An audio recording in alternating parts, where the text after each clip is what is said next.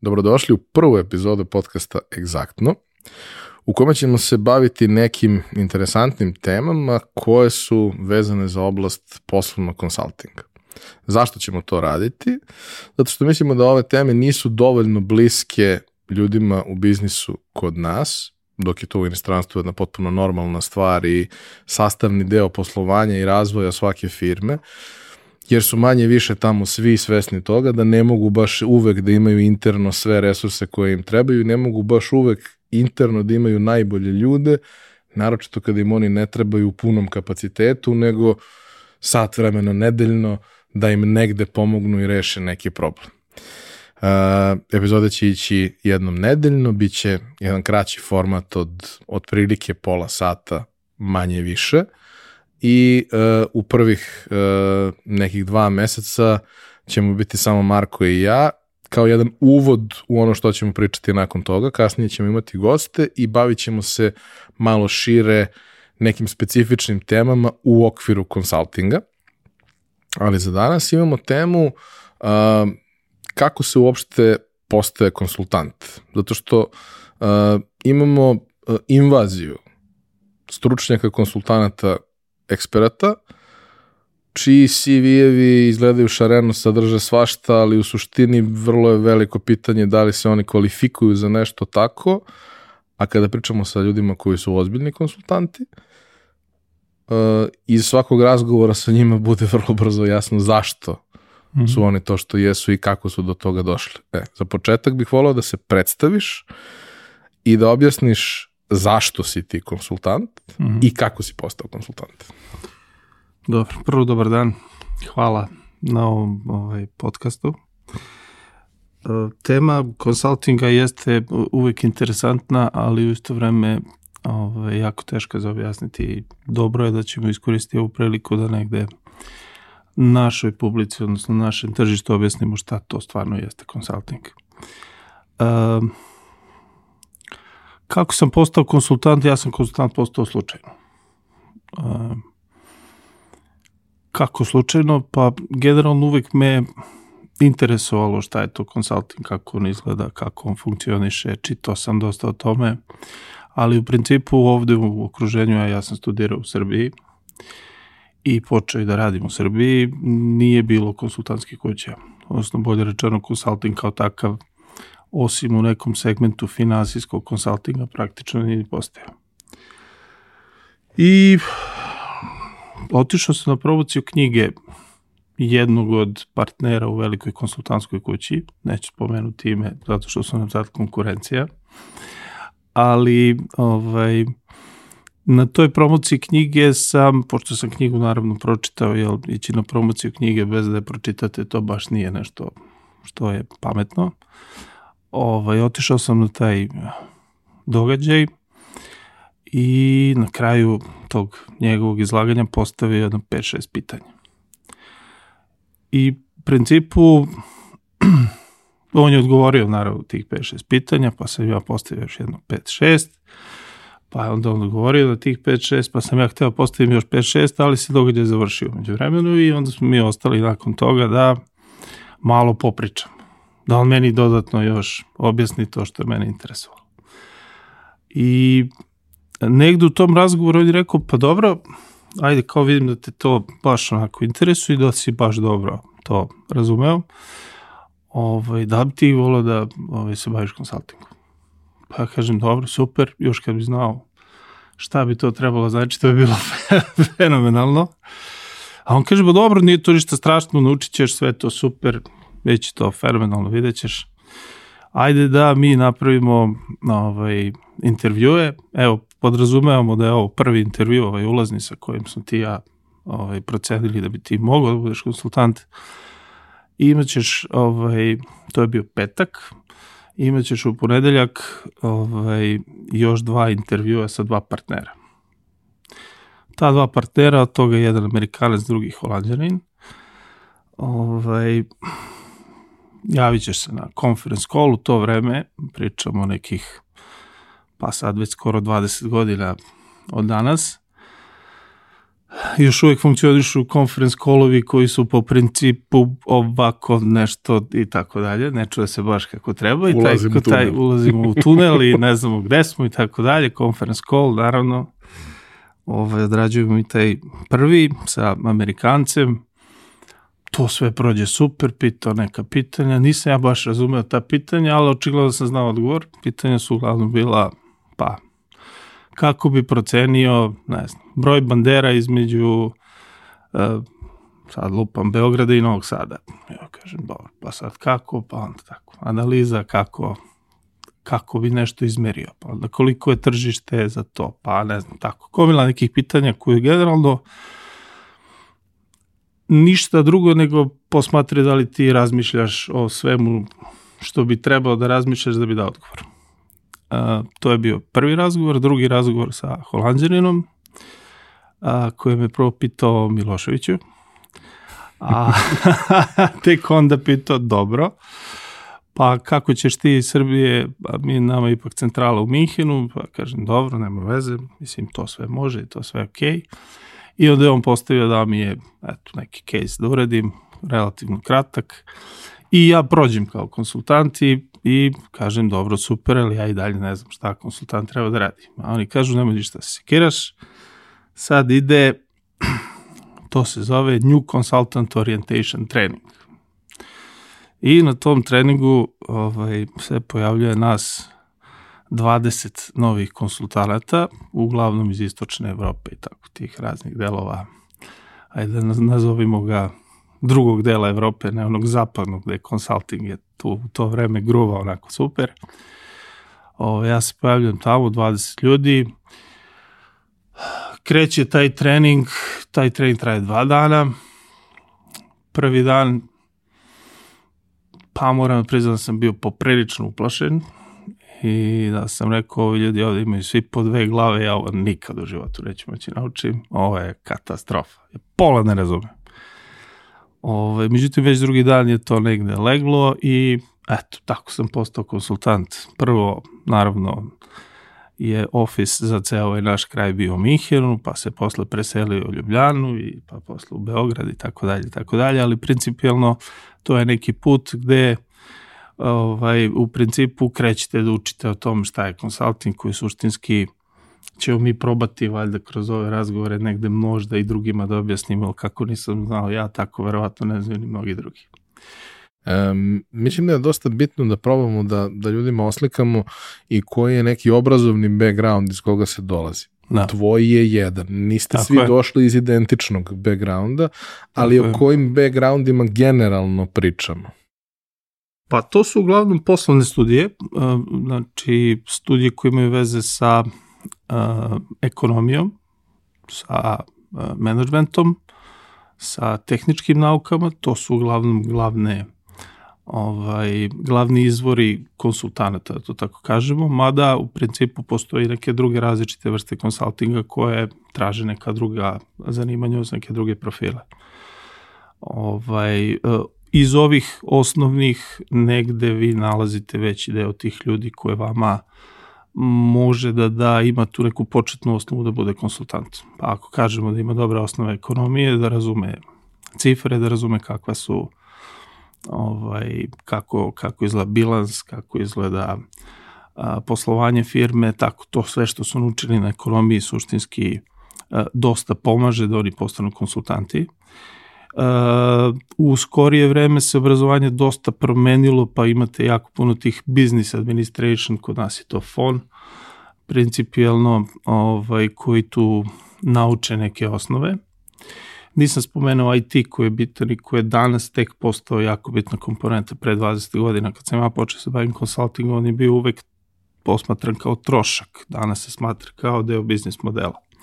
Tako da je konsulting imao jedan potpuni shift na tu stranu u poslednjih par godina. Digitalizacija, tako je. A, znači, to su otprilike ti profili koji mogu da odgovaraju. S tim što, da bi postao pravi konsultant, on tek počinje, počinje da uči ovog trenutka kad krene da radi na projektima.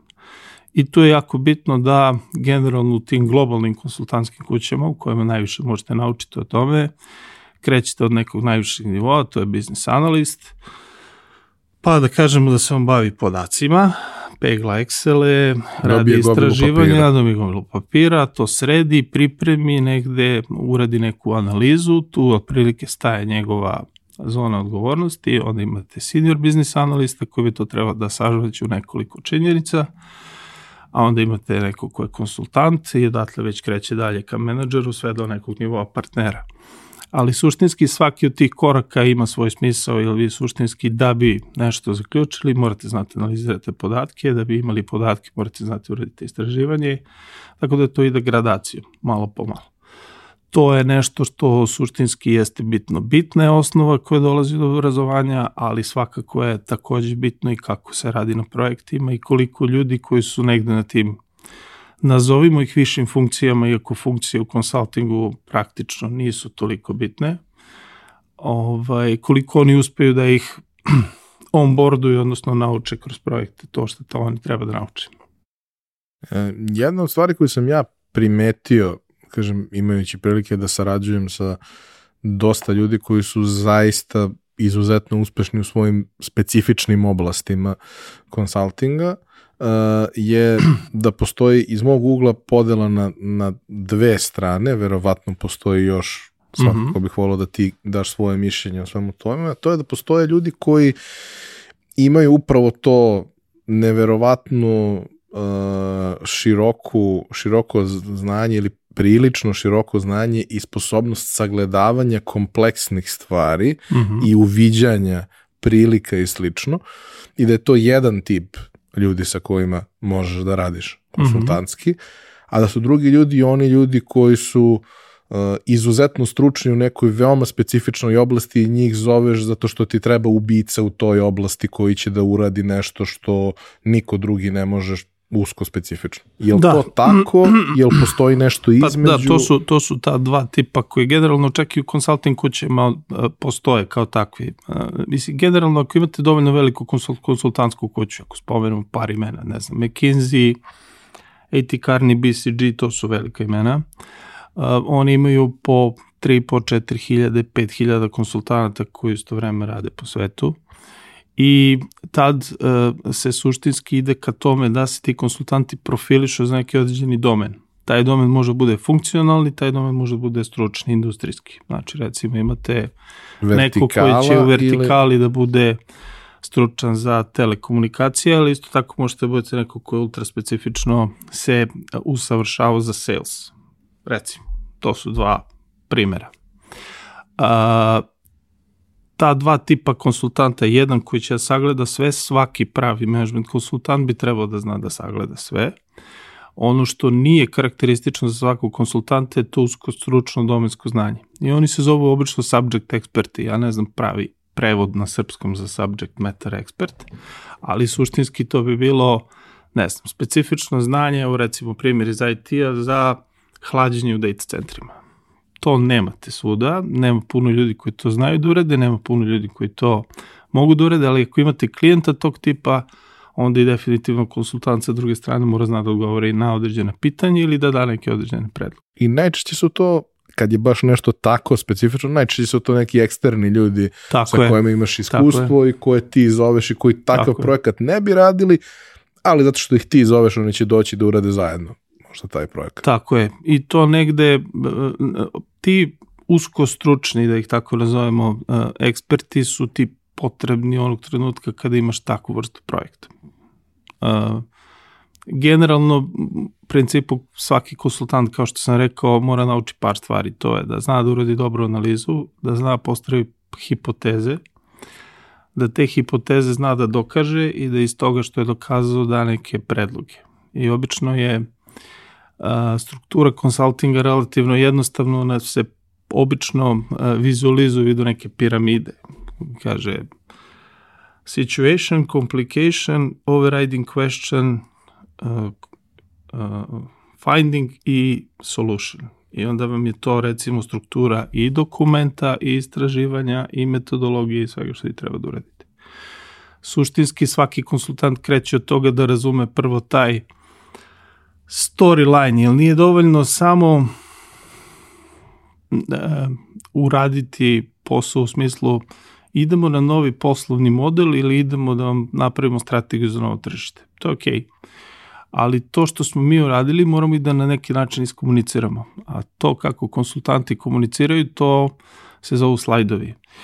I u principu, ovaj, ili kako se to u konsultingu kaže, dek vi kroz dek ili kroz gomilu slajdova suštinski objašnjavate pa na najjednostavniji mogući način, tako da to bude sažeto i jasno i koncizno, to što želite da predložite nekom koji vas je angažao kao konsultanta.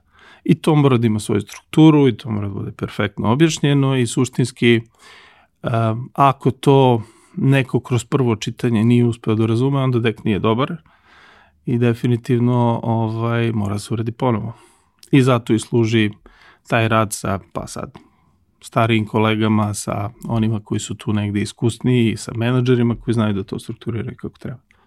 Um, jedna stvar koju si pomenuo, na koju bih volao da se vratim, je taj moment gde naravno ti postavljaš hipoteze i uh, ideš ka tome da dokažeš hipoteze. Tako je. Hipoteze ne bi bile hipoteze da nekada ne dođeš do toga da nisu bile ispravne. Tako je.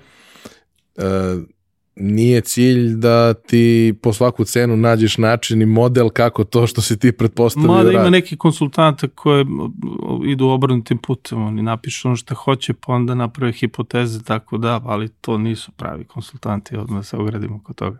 To mi je bilo bitno da, da. da, da negde kažeš. E, zašto pričam o tome? Ok, tvoja karijera je uh,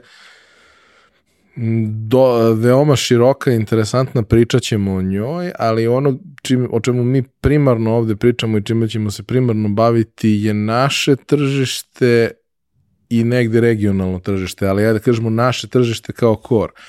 E, na našem tržištu je konsulting u principu do početka 2000-ih bila strana reč koja se pojavljivala s vremena na vreme, ja se sećam zbog, zbog Ćaleta i, i, i knjiga koje je Clio izdavao i tako dalje, mhm. Adiže sa, sećam se raznih nekih stvari, tada se, ne znam, tada su se pojavljivali prvi poslovni softveri i slično, meni je sve to bilo impresivno, ali je to bilo prvo na nivou fenomenologije i na nivou onih ljudi koji su bili entuzijasti, hteli to da prate i želeli da imaju neku, neku svest o tome šta dolazi. Da. Ali to je dolazilo, to je bilo u emisiji posle 2000-te, nije bilo tada realnost. Od 2000-te na ovamo počinje da se javlja nešto, ali kao i u svim društvima u kojima je ovaj, na snazi ta prvobitna akumulacija kapitala, prvo ono što se dešava je uh, ok, polako počinju da se pojavljuju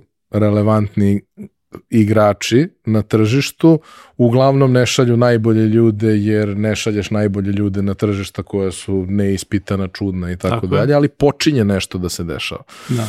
E sad, ja sam klinac koji je to gledao sa strane, bilo mi interesantno, zanimljivo ko seriju ili film da sam gledao. Ja sam jedan od onih što odrasto gledajući Skupštinu, mislim, to, mm -hmm. to mi je bila serija. Mm -hmm. Ti si učestvovao u tome. Mm -hmm pa bi volao da mi kažeš kako je to izgledalo iznutra, odnosno bez sad ulaženja u beskonačan broj detalja, kako je izgledalo tih 20 godina građanja tržišta usluga konsultinga u Srbiji mm -hmm. i šta su bile neke najvažnije tačke koje smo imali. Da, dobro. Da, ja ću počnem od vica, koji obično umem da ovaj, ovaj, ispričam klijentima. Ovaj, kaže, imamo jednu ako livadu i na livadi je ovaj, čovanin, čuva ovce, on čuva ovce i tu su sad ovce te, tu ima ih dosta. Je on tu onako malo mu već i dosadno i nalazi neki čovek. I u odelu, u odelu naravno sav nosi ovaj, jednu lepu torbu. Sat od par Sat stotina evra. par stotina evra. Ajde, budimo skromni, par stotina evra. I kaže, dobar dan, kaže čobanin, dobar dan, kako ste, evo ja čuvam ovce, šta vi radite? Pa evo ja tu da prolazim Ovaj, jel možete vi meni ovaj, da date jednu ovcu ako ja pogodim koliko ovde ovaca ima? Pa kaže čobanin, može, nije problem, ajde. Ajde to da vidimo. Ajde to da vidimo. I on kaže 1576. I kažem svaka čast. Evo, uzmi ovcu, pogodio si, super, on uzima ovcu, kreće. Kaže čobanin, samo izvini moment, a možda se vratiš sekundu. Se vraća, Kaže, ali mogu ja ovaj, da ti meni vratiš ovcu ako ja pogodim čime se ti baviš? A on kaže, pa hajde. A ovaj kaže, pa ti si konsultant. Kaže, ja sam svaka čast, kako si znao? Pa kaže, vidi ovako, došao si, niko te nije zvao. Drugo, rekao si mi nešto što ja već znam. A treće, ajde molim te, pusti mi šarplanica, on mi stvarno treba. I ovo, ja volim često klijentima, klijentima da objasnim taj, odnosno da ispričam taj vid zato što to negde koristim i kao icebreaker. E, I to naročito klijentima u našem regionu zato što se ovde consulting jako često posmatra baš tako pežorativno kako taj vid pokazuje. A zašto? Zato što ne znamo šta je. I sad kad si me pitao kakav je bio put kroz tih 20 godina, pa ne znam, ja bih mogao da ti kažem da je taj put recimo bio misionarski. Pa onda uh, lepo je da ja evo dolazim kod tebe i ja tebi treba prodam čašu i ti znaš da je to čaša i znaš čemu služi čaša. U tu čašu može da sipaš pa svašta, sad je voda, ali može i nešto drugo. Ti znaš pravu vrednost te čaše, razumeš šta treba da kupiš. Možemo već da pričamo i o ceni i o svemu ostalom, ali ako ja treba tebi da objasnim konsultinga, treba ti prodam to kao uslugu, ja treba tebe da ubedim da suštinski to tebi treba. I uh, u principu, uh, princip tog, kako kažem, misionarskog posla, posla širenja konsultinga po, po regionu je suštinski uvek bio dosta težak, na početku naročito. I, i bio jako limitiran broj kompanija koje su to uh, kupovale. Uglavnom su to bile kompanije koje dolaze iz inostranstva, pa su negde razumeli i znaju, a onda su polako stidljivo pa počeli i ostali da razumeju kako to funkcioniše. Ovi što su, su gledali da budu što su gledali da budu kao iz inostranstva, tako je. I suštinski uh, svaki razgovor, pa evo sad kad bi ti ja pričali o tvom poslu, uh, mi bi pričali o tvom poslu, ali ja u, princip, u principu kroz taj razgovor uvek radim sales pitch i tražim mesta na kojima osetim pain. I to može da bude tako što ćeš ti stvarno to da mi kažeš, to može da bude tako što sam ja recimo tvoju firmu istražio pa recimo 15 dana ozbiljno u svaki detalj prema što sam seo s tobom, a to može da bude i tako da ćeš ti generalno nekom mimikom ili neče bilo čim drugim ti meni da pokažeš šta je to što je glavni pain. Iskustvo u tome donosi još dodatnih trikova koje mogu da pomognu da se consulting objasni. Ja jako često kažem klijentima da ako vam consulting ne vrati 10 puta od onoga što ste uložili, onda taj consulting niste trebali ni da kupujete. I ima još jedna stvar koju im jako često kažem, a to je da je usluga koja je data besplatno vredi taman onoliko koliko je plaćena.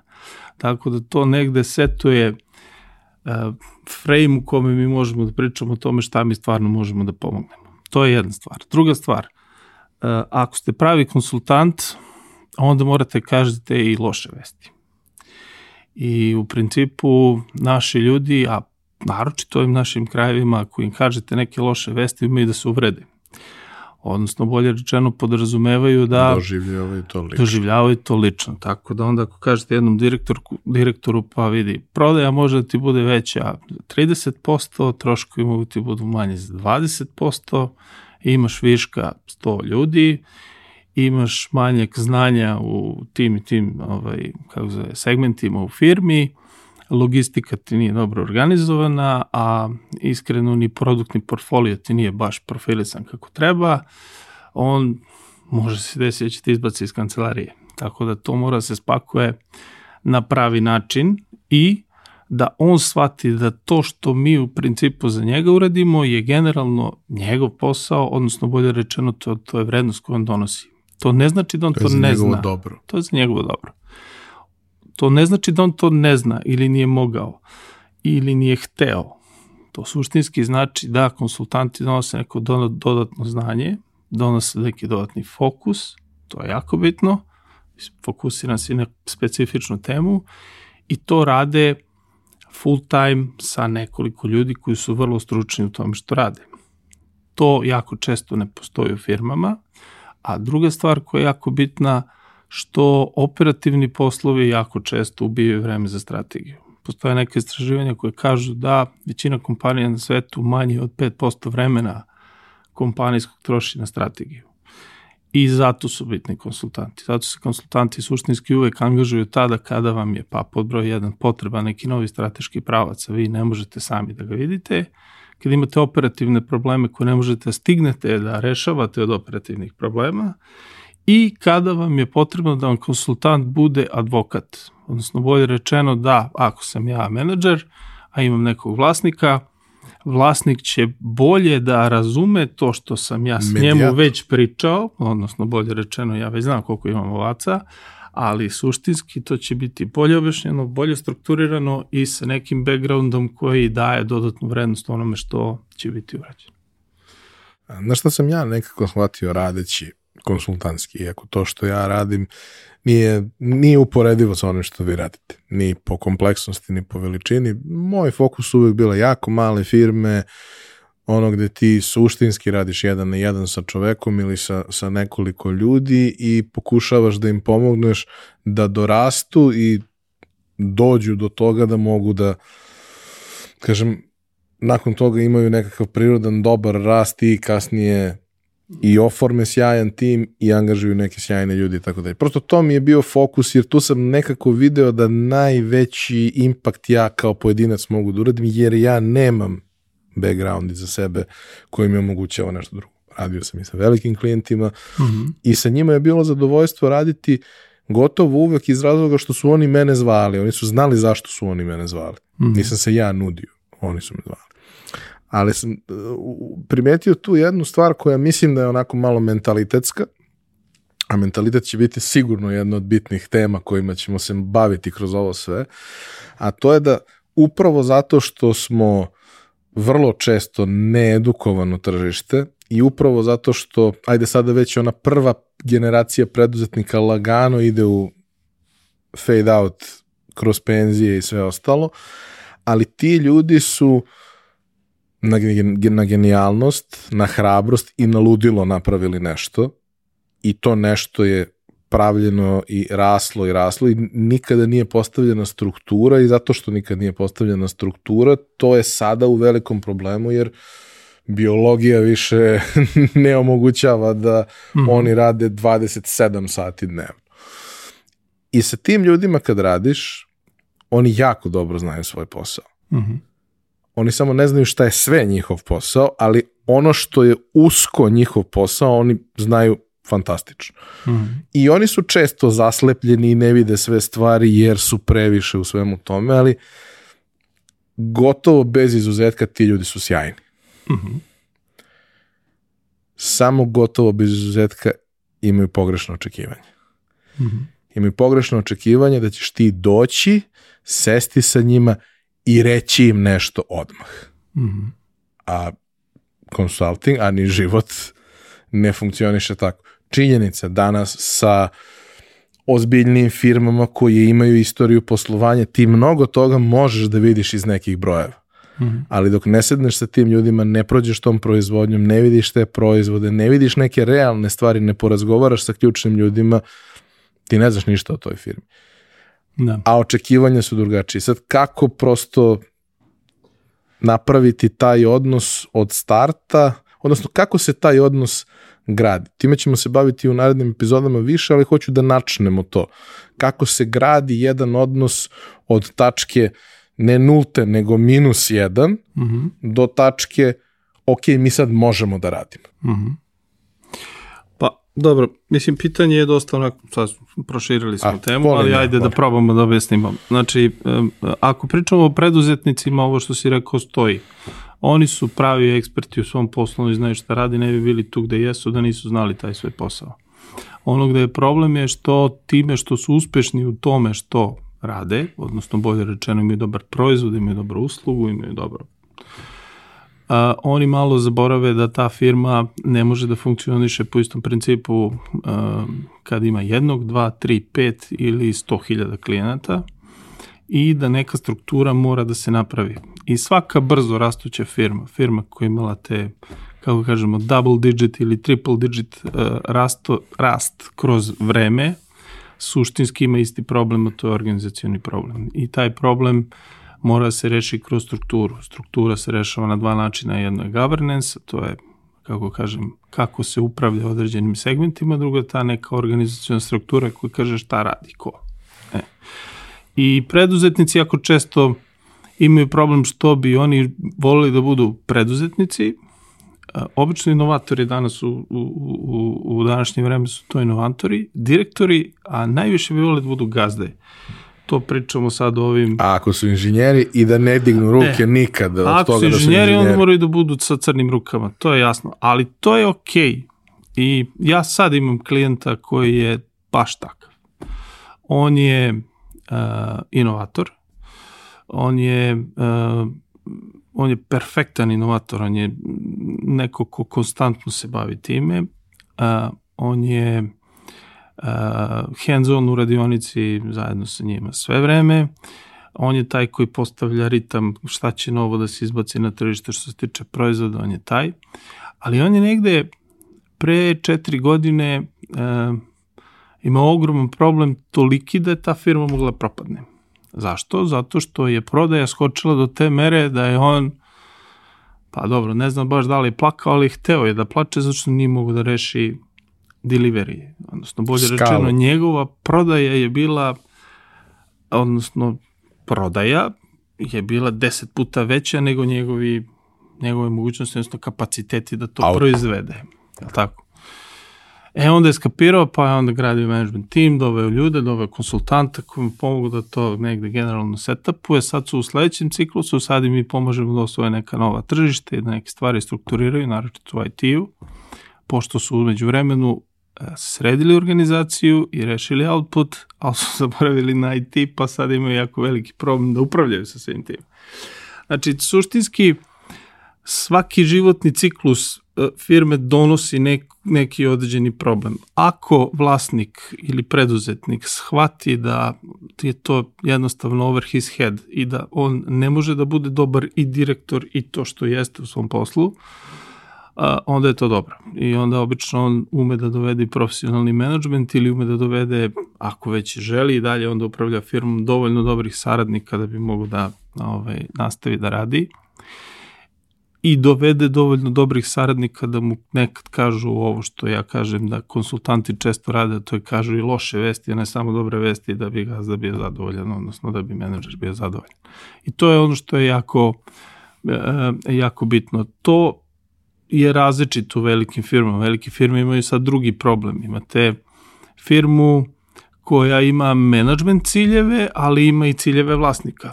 Tako, te, te ta dva cilja da nisu da nikad isti i uh, ciljevi menadžmenta su relativno jednostavni. Ja jako često uvijek da kažem, pa zbog toga to je malo onako kontraverzno, ali tako je kako jeste, menadžerov glavni cilj bonus. A vlasniku je glavni cilj velt, odnosno povećanje vrednosti njegove firme. Te dve stvari se često ne gađaju i tu negde i definitivno taj balans ovaj, uh, mora da postoji. Kad radite sa velikim firmama, onda imate neku drugu vrstu kompleksnosti, neke stvari jesu uređene, jesu korporativne, ali onda često imate to, pa ne znam, evo, u bankama imate gomilu procesa koje kad ih pitate, a što to tako, kad može i ovoliko jednostavnije, oni kažu, pa, pa od uvek se tako radi. To od uvek se tako radi, znači ja dođem, odradim svoj posao i nema veze što je to ponavljajući, što to ne treba tako i što ja znam da to možda ne treba tako, mora neko to sa strane, a to je menadžer, a menadžer opet ne može od svog posla i tako dalje i tako dalje i to su negde stvari koje suštinski moraju da se da se kroz consulting rešavaju. Ili kroz consulting ili opet kažem, ja jako često volim da kažem da nije loše imati u okviru firme određenu ekipu koja će se baviti specifičnim problemima. To se obično zovu projekti, jel tako? Pa ćemo otvoriti projekat koji se bavi ne znam, uređenjem poslovih procesa ili ćemo otvoriti projekat koji će se baviti prodajom. Ali morate da ga odvojite od dnevnog posla, jer ako ga ne odvojite od, od dnevnog posla, neće se nikad završiti. Mislim da smo donekle oslikali šta je consulting, odnosno šta bi trebao da bude, otkud ti u njemu. -huh. otkud ti ovde. -huh. otkud on ovde. -huh i kako to otprilike funkcioniše. Uh -huh. A, to bi bilo to za ovu epizodu, ja se nadam da vam je bilo interesantno, trudili smo se da ne bude obimno, da ovo bude jedna stvarčica koju ćete pustiti svake nedelje da malo ovaj, popali neke lampice po glavi. Najava za sledeću nedelju, sledeće nedelje se bavimo time, a to je vrlo jednostavno na izgled pitanje, ali sa dosta kompleksnim odgovorom, šta jeste, a šta nije posao konsultanta. Jer bilo koji odnos da bi funkcionisao kako treba, moraju da postoje očekivanja koja se na neki način gađaju. Hvala vam, vidimo se naredne nedelje.